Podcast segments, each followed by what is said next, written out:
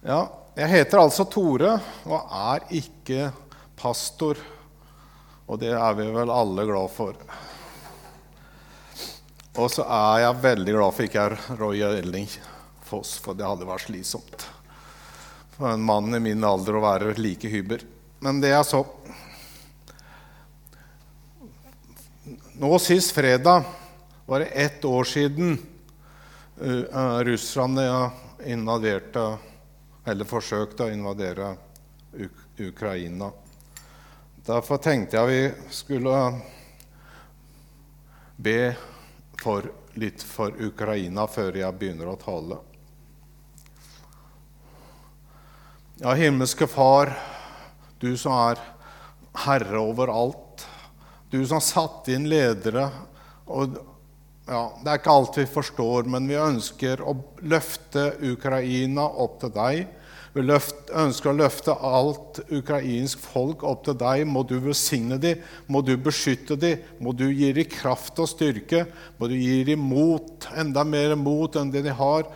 Og så takker jeg deg for den, det vi ser av den styrken de allerede har, også gjennom den lederen de har, far.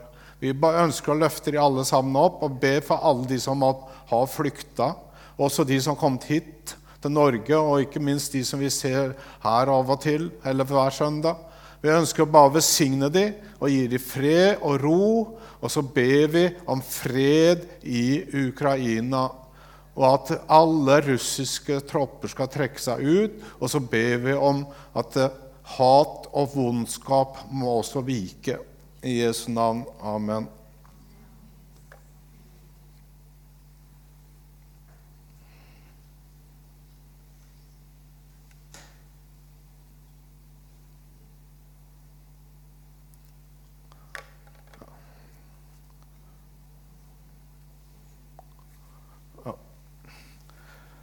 Bestandig teknikken er med oss. I dag har jeg tenkt å ta en, en slags si, gammeldags bibel ti, eh, Ikke bibeltime, men gammeldags bibeltale. Ikke det at de andre er ubibelske, men det er ofte sånn såkalt livsnære. Men nå skal vi ta litt, kanskje litt mer bibelbasis.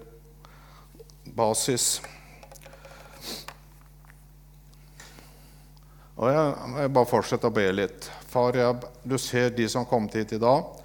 Vi ber om at de skal klare å legge til side tanker som er forstyrrende.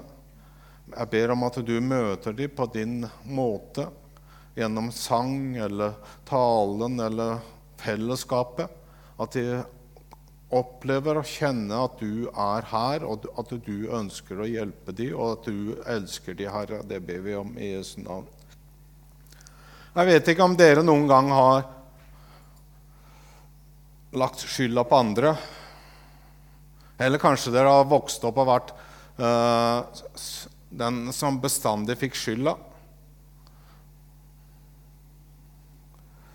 Vi har lett for å skylde på andre eller noe annet. Og nå er vi, igjen, er vi snart igjennom en sesong med masse glatte. Og du, Har du noen gang hørt av de som har vært uheldige, at det, har innrømt at de ikke har avpassa farta etter kjøreforholdene. Det er bestandig glatta som skylda. Det er bestandig noe annet som har skylda. Og er det ikke naturkreftene eller noe annet sånt vi kan skylde på, så er det jo selvfølgelig myndigheten som har all skyld. Vi har jo ikke noe skyld. Vi er jo helt perfekte, enkle mennesker. Også vi som bor i Porsgrunn, vi vet jo at er jo Kåss som har skylda for all elendighet her. Ja. Og nå har han også skylda for all elendighet i Grønland. Og nå er det like før og Kåss sikkert får skylda for Arbeiderpartiets tilbakegang på landsbasis. Vi må ha noen å skylde på.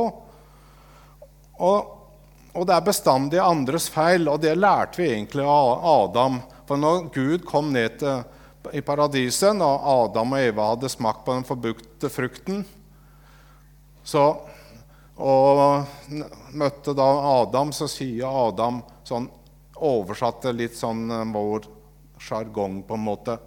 Hadde ikke du gitt meg det kvinnfolket, så hadde ikke dette skjedd. ergo Adam ga Gud skylda.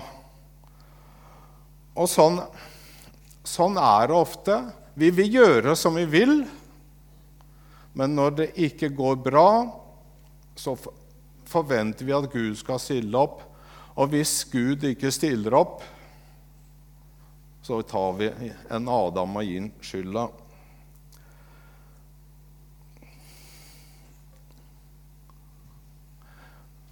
Og En som stadig får skylda, kaller vi for syndebukken.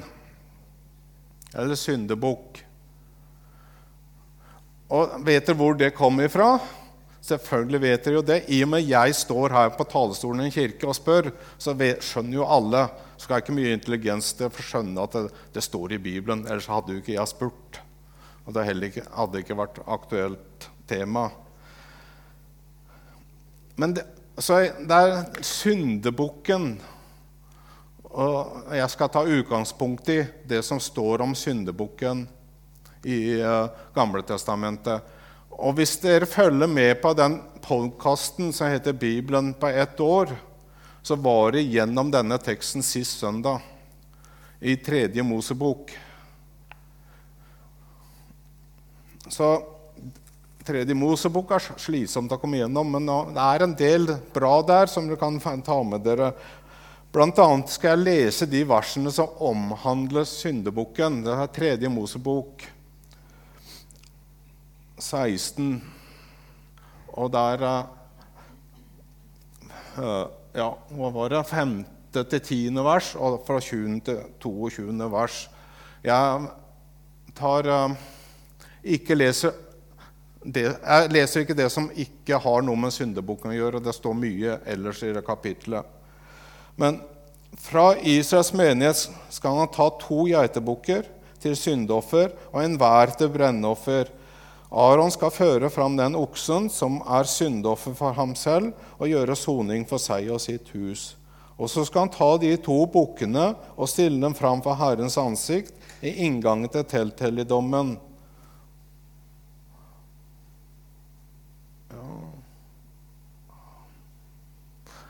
Så, ja. så, skal han ha, ta de to bukkene og stille dem fram for Herrens ansikt i inngangen til telthelligdommen. Og Aron skal kaste lodd om bukkene, ett lodd for Herren og ett for Asasel. Den bukken som loddet for Herren faller på, skal Adam føre fram og lage til syndoffer. Men den bukken som loddet for Asasel faller på, skal stilles levende fram for Herrens ansikt. Ved den skal det gjøres soning når, sendes ut, når den sendes ut i ørkenen i Asasel. Når Aron har fullført soningen for det hellige stedet, telthelligdommen og alteret, skal han føre fram den levende bukken, legge begge hendene på hodet til bukken og bekjenne over den hele israelittenes skyld alle lovbrudd og syndene deres, og han skal legge dem på hodet til bukken. Så skal han la en mann som står ferdig, sende ut i ørkenen. Bukken skal bære alle deres synder ut i villmarken og bukken skal sendes ut i ørkenen. Asasel er litt sånn i tvil om hva, hva det egentlig ligger i det, men oppfattelsen er at det var en ond ånd som levde ute i ørkenen. Og, og at alt det onde på en måte kom ifra den ånden. Og da oversetter jeg det i mitt hode til at det her må være djevelen de tenker på og liksom, Hva er vitsen med å sende denne her bukken ut i ødemarken? Der vil den jo dø eller sulte i hjel eller bli tatt av rovdyr eller noe slikt noe. Men poenget er at alle synden, all den synden den var blitt lagt på hodet til den, skulle forsvinne. Den forsvant ut i ørkenen. Den blei på en måte sendt tilbake til den som opp, var opphavet til all synden, til djevelen. Så syndebukken De la alt synd på den og tok den og førte den da ut i ødemarken. Og vi vet at det, på mange måter så er det det som står i Gamletestamentet, er da beskrivelse av det fysiske som skjer da ofte, som det blir beskrevet, da i Nytestamentet i det åndelige. Og det er noe kjent med den fortellingen. Det er egentlig fascinerende å sammenligne de her offerritualene som Mosebøkene uh, beskriver, med uh, Jesus' lidelseshistorie. For, for da Jesus Jeg leser ikke den nytestamentlige teksten. Jeg regner med dere har vært igjennom den sånn noenlunde, de fleste av dere. For når Jesus står da på Antonieborgen hos Pontius Pilatus, så blir han stilt fram for eh, prestene og folk som fulgte med. Og han ble stilt fram sammen med Barabas, og Barabas var en fryktelig morder. Så for at eh, Pontius Pilatus håpet at de skulle velge å slippe Jesus fri istedenfor å velge Barabbas fri, så skjer det altså et valg der. Men de, i Gamletestamentet snakker vi om bare Aron som utførte de forskjellige handlingene. Men alle prester opp igjennom heter det på en måte ting, Tempelstjenesten slutta på år 70. De var eh, av Arons slekt. Du kunne ikke være prest hvis ikke du var en etter, mannlig etterkommer av Aron.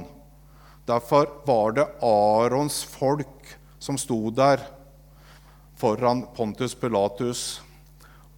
Og de, og de tok da den form, Istedenfor en loddtrekning, som Aron gjorde, så tok disse prestene og de andre, spesielt prestene, de oppildna folk til å ta en, da, en form for avstemning, et valg, hvor de da ropte 'Korsfest ham'. De valgte ut Jesus. Og Barabas gikk fri han var vel egentlig den første som gikk fri på, uh, uh, grunn av Jesus. Så vet vi ikke åssen det gikk med Barabas, om han tok det her betydde noe for han eller ei. Det vet vi dessverre ikke, men han, han gikk faktisk fri.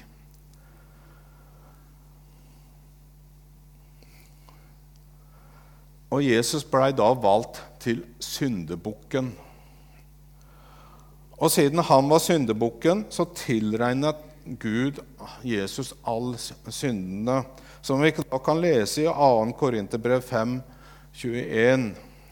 Han som ikke visste av synd, har han gjort det synd for oss, for at vi i ham skulle få Guds rettferdighet. Og et annet vers fra 1. Peter 2, 24. Da, den er da et sitat fra Nytestamentoversettelsen den er en levende bok. Så er den litt annerledes skrevet. Men han tok våre byrder av våre synder på sin egen kropp da han døde på korset. Slik kan vi bli ferdig med synden og leve et godt liv fra nå av. Fra hans sår, for hans sår har helbredet våre sår.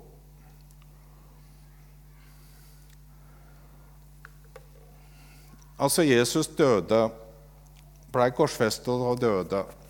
Det kjenner vi godt til. Og jødene valgte han til syndebukken. Og romerne var de som leda ham, leda på en måte Jesus til ødemarken, til Golgata, hvor han ble da uh, døde og ble på en måte leda ned i den verste ødemarken som fins, dødsriket. Og med seg hadde han all verdens synd,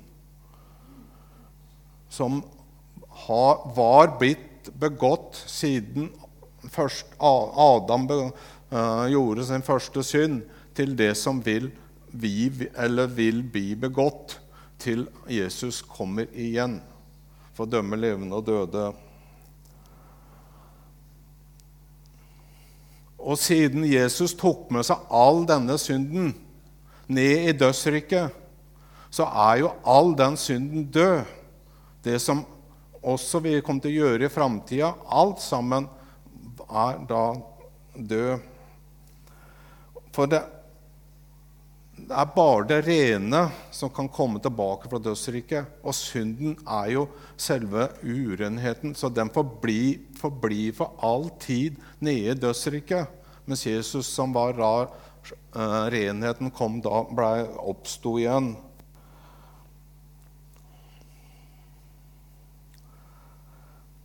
Og en død synd har ingen makt over oss. Det er bare ja. Og vi vet jo når vi gifter oss, så lover vi at vi skal leve sammen til døden skiller oss av. Men når en, ekte, en av ektefellene dør, så jo, blir hun helt fri for loven, for den død, andre parten dør bort. Og samme så blir vi fri fra synden. Når synden dør, så har ikke vi den bindinga lenger. Og For å bekrefte det med et vers som uh, døperen Johannes sa Det står i 1. Johannes, eller ikke 1. Johannes, men Johannes 1. kapittel 29. Dagen etter ser han Jesus komme gående mot seg og sier, Se Guds lam som bærer verdens synd. Allerede da så profeterte Johannes det. Og nå tenkte jeg å ta det med på en liten sånn Jesus-meditasjon. At vi skal forsøke å tenke oss det som har skjedd. Så lenge vi mennesker lever her på jorda, så er vi begrensa av tid, sted og rom.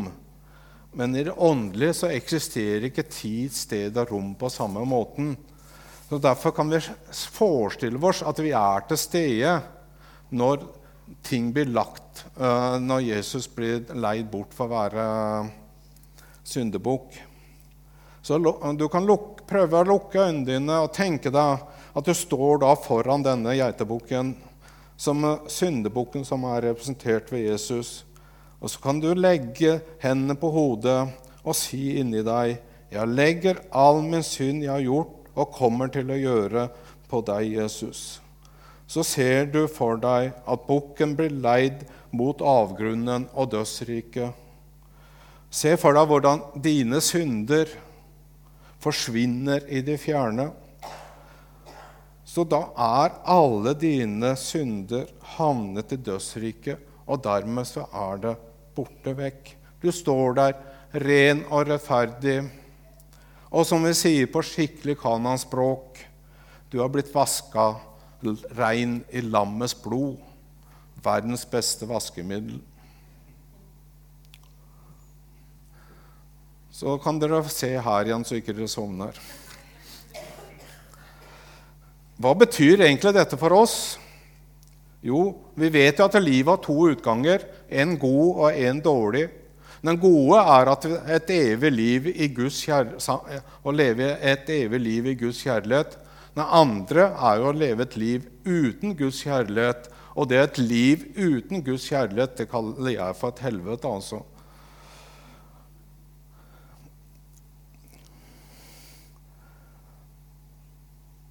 Og av Guds nåde vi et, e, får vi et evig liv i Guds kjærlighet. Det ligger for, framfor oss.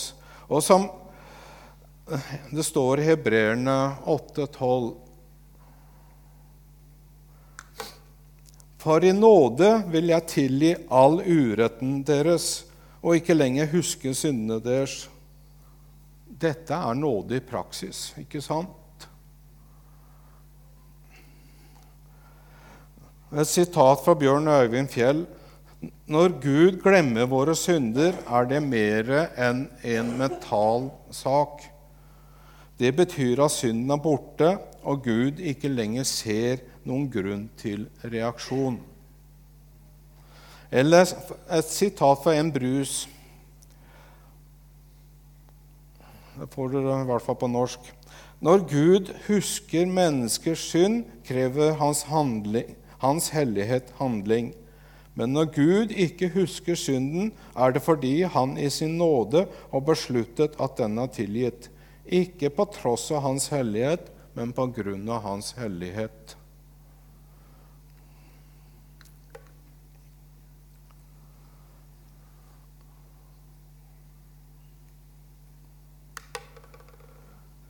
Ja, men Tore, jeg husker så mange av mine synder, tenker du kanskje. Det er så vanskelig å tro at de er borte. Og det forstår jeg. Men det at du husker det, er ikke samme som at de er der. Resultatet av noen av de må vi dessverre leve med videre. Det, det er så, mens, men den evige konsekvensen av de er borte. Og det å, å huske de kan jo egentlig hjelpe oss til ikke begå de samme tullet om igjen. Men, men eh, det, der, det, er forskjell på å huske det der at de virkelig er der. Jeg mista foreldrene mine for en del år siden. De er helt borte. Men jeg har jo minnene. Og Det samme er med synden. Den er sletta ut, selv om vi sitter igjen med minnene.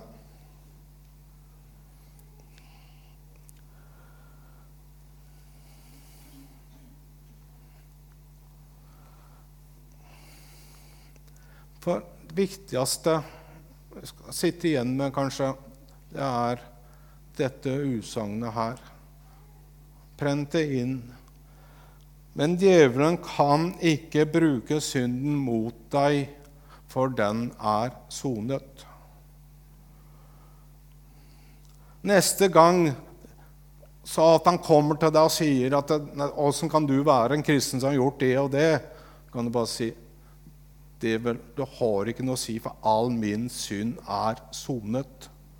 Den er sletta ut. Bare glem det. For det er ikke, heller ikke snakk om synd når vi skal stå for dommens dag. Det er vårt forhold til Jesus i hjertet. Det at vi har tatt imot Jesus. For det er Jesus' verk som skal holde, ikke ditt. Og Jesus' verk det holder i liv og i død. Nå skal jeg begynne å lande, og så gjør jeg sånn som vi gjør når vi har andakta på sangkafeen. Vi deler en sang. Jeg skal ikke ta hele. Og jeg har bestandig vært snille der nede og ikke synge så jeg skal heller ikke synge her i dag. Bare slapp helt av. Bare ro dere ned. Men det er en kjent sang, i hvert fall for oss som er voksne. Det var en som var villig ja, du skal få den her også. Det var en som var villig å dø i mitt sted for at jeg skulle leve ved ham. Ja, til korset han gikk, hvor han kjøpte meg fred, da han sonet sin, min synd, det Guds lam. Alt som var meg imot, ble slettet med blod. Det ble naglet til korset ved ham. Hvilken byrde han bar da hans sonoffer var, og tok bort all min synd og min skam. Han er mild og tålmodig som ingen på jord, mens for slagget han renser sitt gull. Det er ingen fordømmelse, lyder hans ord, men forløsning så fri og så full. Alt som var meg imot, ble slettet med blod. Det ble naglet til korset med ham hvilken byrde han bar da han sonoffer var og tok bort all min synd og min skam.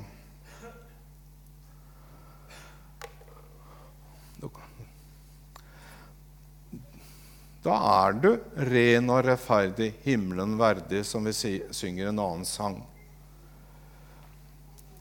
På grunn av at din syndebukk ordna alt sammen opp for deg.